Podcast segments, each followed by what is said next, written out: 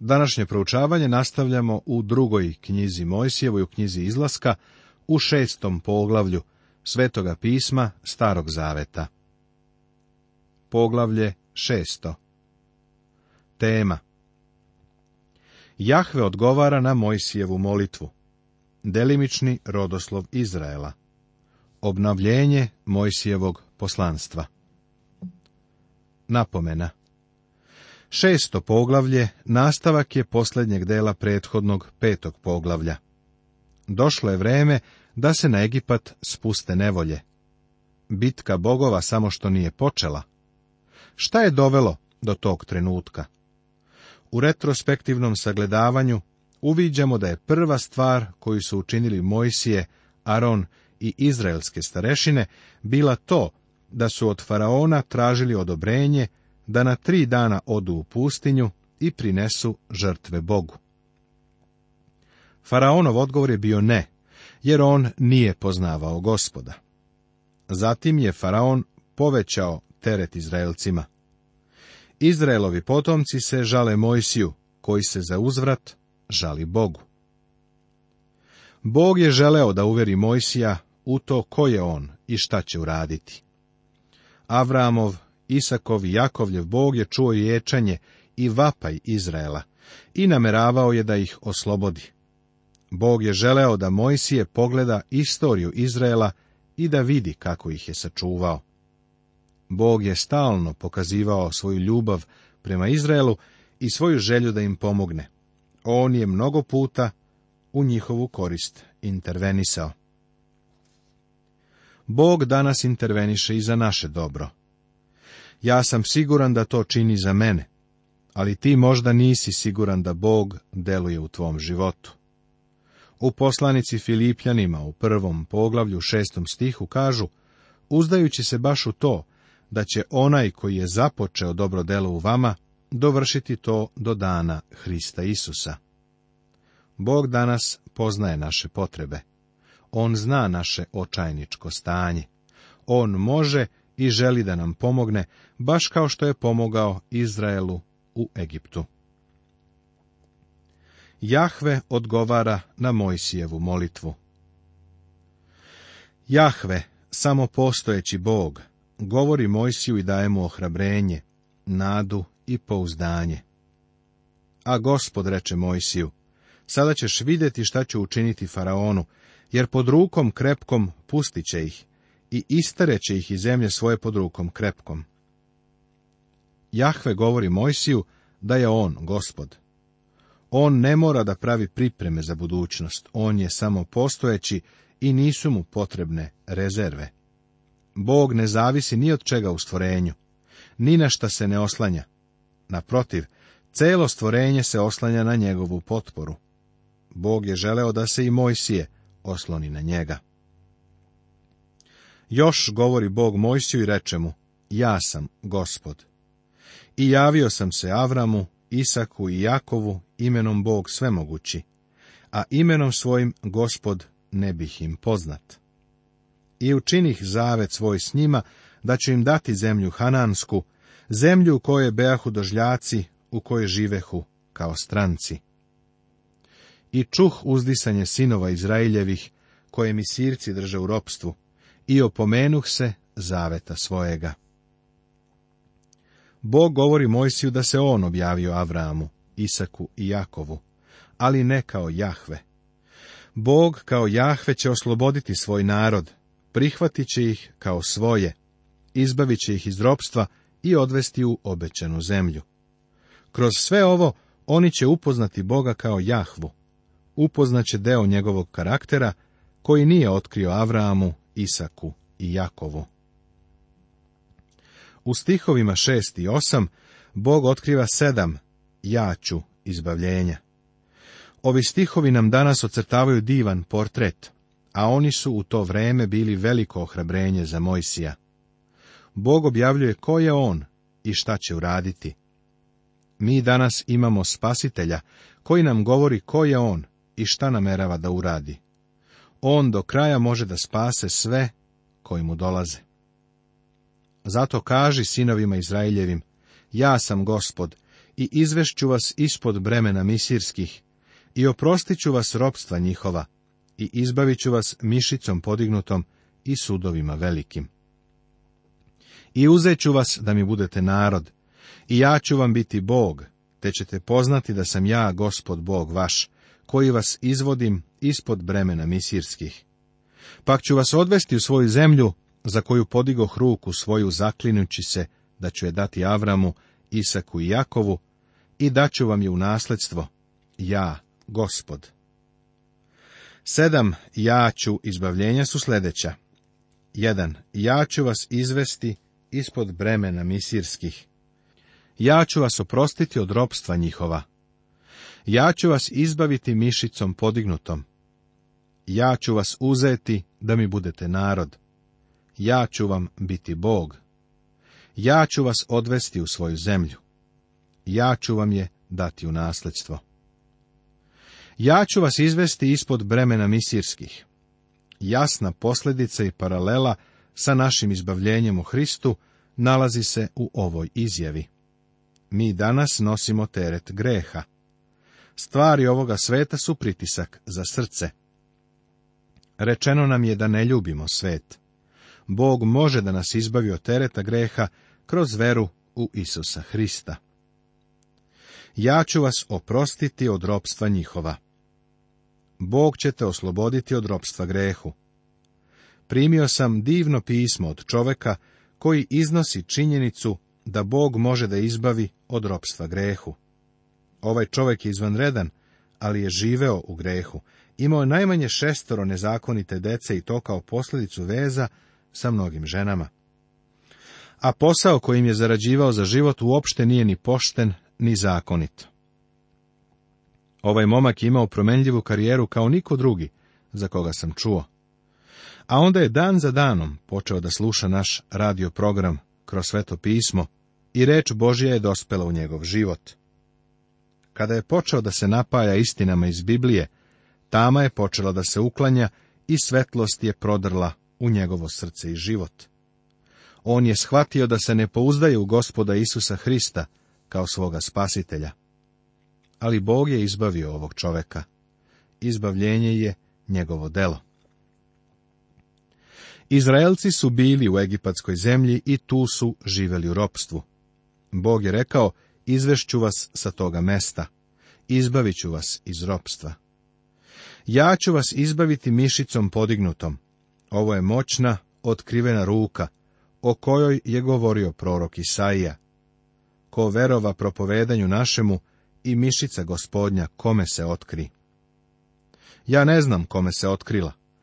Bog danas sprovodi delo izbavljenja u srcima i životima ljudi i žena. Svakome od nas je potreban spasitelj od greha, jer smo u njegovim očima pokvareni.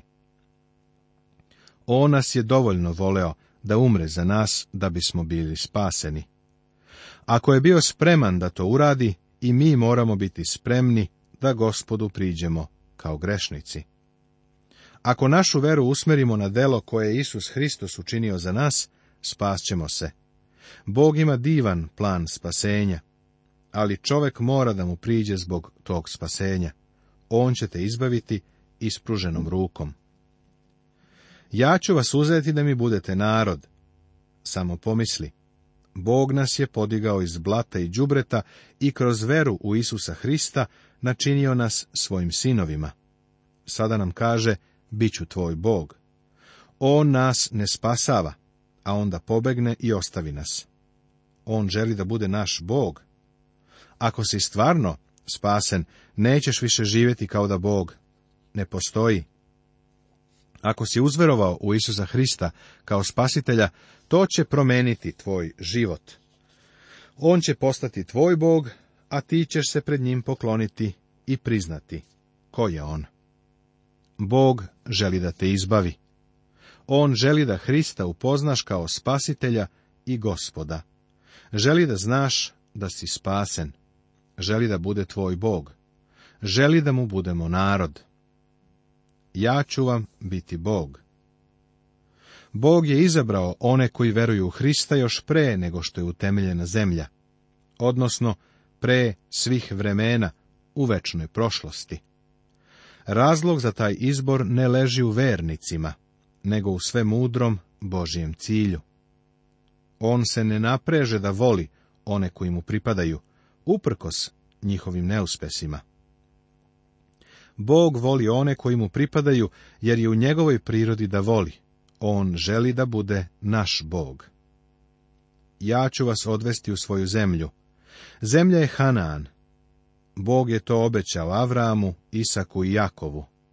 Hanaan nije slika neba. On je slika hrišćanskog života, kakav vernici treba da vode. Hanan simbolično predstavlja blaženstva, duhovne blagoslove. Vernik treba da živi dostojno svog uzvišenog poziva, sa savršenim uživanjem duhovnih blagoslova. Ovo se postiže kroz ispunjenje duhom svetim. Tako je zapisano u poslanici Efescima u četvrtom i petom poglavlju do 18. stiha Svetoga pisma Novog Zaveta. Također, postoje borbe i bitke koje treba izvojevati. Vernici ponekad žive kao da su propali u pustinji sveta i kao da nikada neće ući u bogatstva njegove blagodati i milosti. Da li danas živiš u životu svetlosti i ljubavi živoga spasitelja? Ja ću vam dati zemlju u nasledstvo. Apostol Pavle u petom poglavlju poslanice Rimljanima Svetoga pisma Novog Zaveta jasno govori da smo verom opravdani i da kroz gospoda Isusa Hrista imamo mir sa Bogom. Imamo pristup Bogu. Imamo radost usred nevolje. Dat nam je sveti duh Božiji koji prebiva u nama, a ljubav Božja nam je postala stvarna. Izbavljeni smo od gneva koji će doći i spaseni od doba velike nevolje. Prijatelju, kakvo spasenje imaš, o kome govoriš, ali koje nije promenilo tvoj život, niti te od nečega ispavilo. Ovi stihovi govore o našem nasledstvu i daju nam sliku spasenja. I Mojsije kaza tako sinovima Izraeljevim, ali ne poslušaše Mojsija od slabosti duha svojega i od ljutoga ropstva. U ovakvom vremenu Tvoje srce sigurno razume decu Izraelovu. Oni su smatrali da je nemoguće da veruju Mojsiju, jer im nije pomogao u njihovom problemu, nego je samo još bio odgovoran za njihov teret, koji je postao veći. I gospod reče Mojsiju govoreći, idi, kaži faraonu, caru Misirskom, neka pusti sinove Izraeljeve iz zemlje svoje, a Mojsije progovori pred gospodom i reče, Eto, sinovi Izraeljevi ne poslušaše me, a kako će me poslušati Faraon, kad sam neobrezanih usana? Ali gospod govori Mojsiju i Aronu i zapovedi im da idu k sinovima Izraeljevim i k Faraonu, da izvedu sinove Izraeljeve iz zemlje Misirske. Izraelci nisu prihvatili Mojsija, nije ga prihvatio ni faraon. Bog mu je bio rekao da ponovo govori sa faraonom, ali je Mojsije oklevao da ide. Njegove oči su bile uprte u okolnosti, umjesto u Boga. Delimični rodoslov Izraela Usred svih ovih nevolja i okolnosti dolazimo do vrlo čudnog događaja. Bog ponovo pažljivo nabraja Izraelove porodice. To je važan predmet, barem što se tiče staroga zaveta. Iskreno, meni je dosadno da čitam sva ta imena i to me uvek uspava, ali za Boga su ta imena važna i uzbudljiva. On je insistirao na tome da se rodoslov zabeleži. Bog želi da znamo o kome čitamo i ko su njegova deca. Bog to isto misli o tebi i o meni. Želi da budemo sinovi Boži kroz veru u Hrista. Ovo su poglavice u domovima otaca svojih. Sinovi ruvima prvenca Izraeljeva. Enoh i Faluj, Asron i to su porodice Ruvimove. A sinovi Simeunovi, Jemuilo i Jamin, i Aod, i Ahin, i Sar i Saul, sin neke Hananejke, to su porodice Simeunove. A ovo su imena sinova Levijevih po porodicama njihovim. Girson i Kati Merarije, a Levije prožive 137 godina. Girson, Kati i Merarije su tri Levijeva sina. To su ljudi koji će kroz pustinju nositi šator od sastanka. Ime Koen potiče od imena Kat, Koat, ali danas prosječni jevrin ne bi umeo da kaže kojem plemenu pripada. Spisak ovih imena je važan zbog rodoslova koji na kraju vodi do gospoda Isusa Hrista. A sinovi Katovi, Amram i Isar i Hevron i Ozilo, a Kat požive 133 godine. A Amram se oženi Johavedom, bratučedom svojom, a ona mu rodi Arona i Mojsija. I požive Aram 137 godina. U ovom odeljku su navedena imena Mojsijevih i Aronovih roditelja, Amram i njegova žena Johaveda.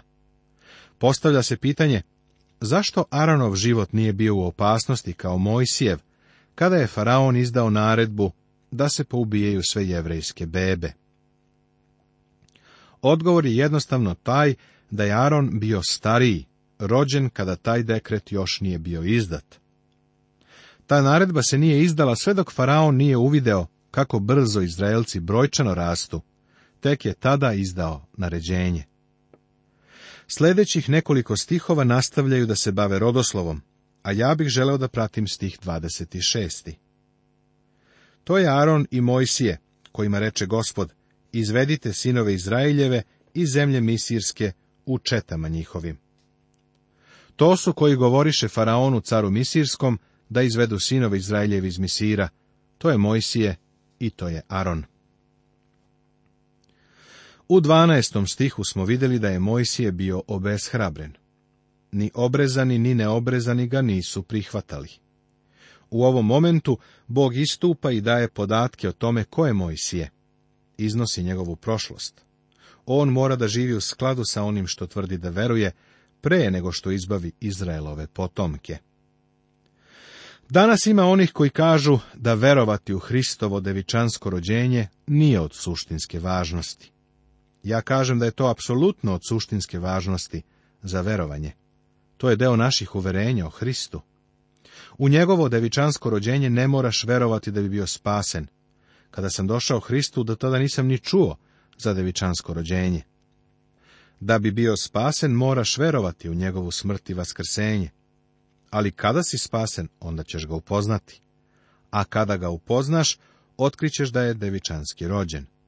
Ako nije devičanski rođen, onda si napravio grešku, što si se pozdao u njega, jer on onda nije onaj za koga se predstavlja. Niko ko je stvarno spasen, neće poricati devičansko rođenje Isusa Hrista. Također je od suštinske važnosti to da su Mojsije i Aron oni koji tvrde da jesu. Prošlo je već četrdeset godina od kako je Mojsije napustio Egipat. Umeđu vremenu je oženio kćerku madijanskog sveštenika. Sada je ponovo u Egiptu. Ko je on uopšte? Ovaj rodoslov nam govori ko je on. On pripada Levijevom plemenu, a njegovi roditelji su Amram i Johaveda. Ovaj rodoslov nam pruža neophodnu verodostojnost o Mojsiju, koja mu omogućava da ispuni delo na koje je poslan u Egipat obnovljenje Mojsijevog poslanstva. Na osnovu uverenja Bog obnavlja poziv koji je uputio Mojsiju i Aronu. I kad gospod govoraše Mojsiju u zemlji Misirskoj, reče gospod Mojsiju govoreći, ja sam gospod. Kaži faraonu caru Misirskom sve što sam ti kazao. I Mojsije reče pred gospodom, evo sam neobrezanih husana, pa kako će me poslušati faraon? Mojsije ponovo daje izgovore. Zadatak koji ima da obavi nije baš prijatan.